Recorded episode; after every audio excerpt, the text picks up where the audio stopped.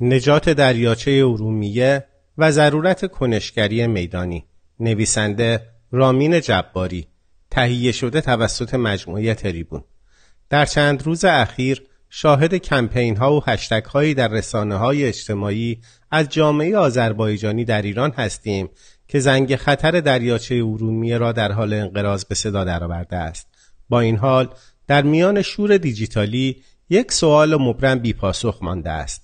آیا فعالیت مجازی به تنهایی می تواند دریاچه را نجات دهد و مقامات ایرانی را مجبور به اقدام کند این نوشته به نقش حیاتی کنشگری میدانی به عنوان نیروی ضروری برای وادار کردن مقامات به تحمل هزینه های خشک شدن دریاچه ارومیه و تأثیر مخرب آن بر اقلیم آذربایجان می‌پردازد. خشک شدن دریاچه ارومیه فراتر از یک بحران اکولوژیکی است. این نمونه بارز بیعدالتی زیست محیطی است که به طور نامتناسبی بر زندگی مردم آذربایجان در ایران تأثیر می‌گذارد. جامعه آذربایجان به عنوان یک اقلیت بار سنگین این فاجعه زیست محیطی را بر دوش می کشد.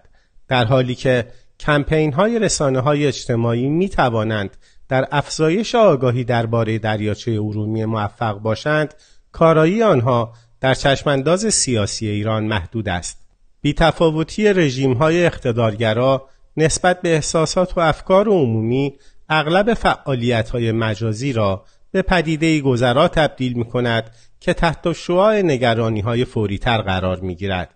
برای ایجاد تغییرات اساسی و مطالبه پاسخگویی جامعه آذربایجانی در ایران باید در رابطه با دریاچه ارومیه از کنشگری مجازی به اقدام میدانی تبدیل شود. کنشگری روی زمین پتانسیل اعمال قدرت واقعی را دارد زیرا عزم جمعی یک جامعه متحد را نشان می دهد و مسئولیت را مستقیما متوجه مقامات می کند. یک جنبش قوی میدانی با بسیج جامعه آذربایجان و متحدان برای پیوستن به کنش جمعی میدانی ممکن می باشد. با مشارکت در سازماندهی مردمی، برگزاری جلسات و مهمتر از همه حضور در خیابانها در اعتراض می توان بر وضعیت وخیم دریاچه ارومیه و ضرورت و فوریت نجات دریاچه تأکید کرد. اعتراضات خیابانی ابزار قدرتمندی برای جلب توجه ملی و فشار برای تغییر است.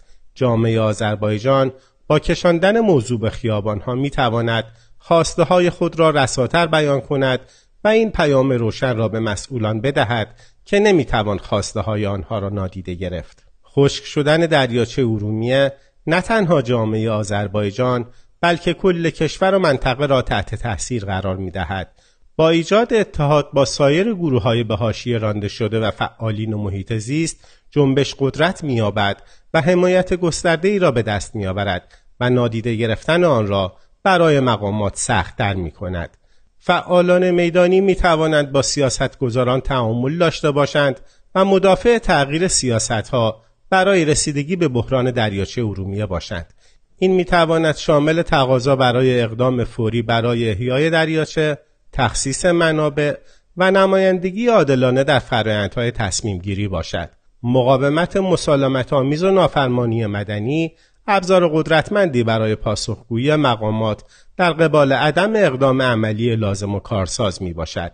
جنبش با کنش های مسالمت آمیز مانند تحسن، اعتصاب و اعتراضات خیابانی می تواند بر فوریت و لزوم اقدام فوری تأکید کند. سرنوشت دریاچه ارومیه نیازمند اقدام عاجل و قاطع جامعه آذربایجان و متحدان آن است در حالی که کمپین های رسانه‌ای اجتماعی برای افزایش آگاهی موثر واقع می شوند تأثیر آنها در داخل ایران محدود است با همصدایی معترضان اعتراضات خیابانی و اقدامی جمعی با متحدان محلی و جهانی برای وادار کردن مقامات به عمل می توان احتمال موفقیت کنش میدانی را افزایش داد.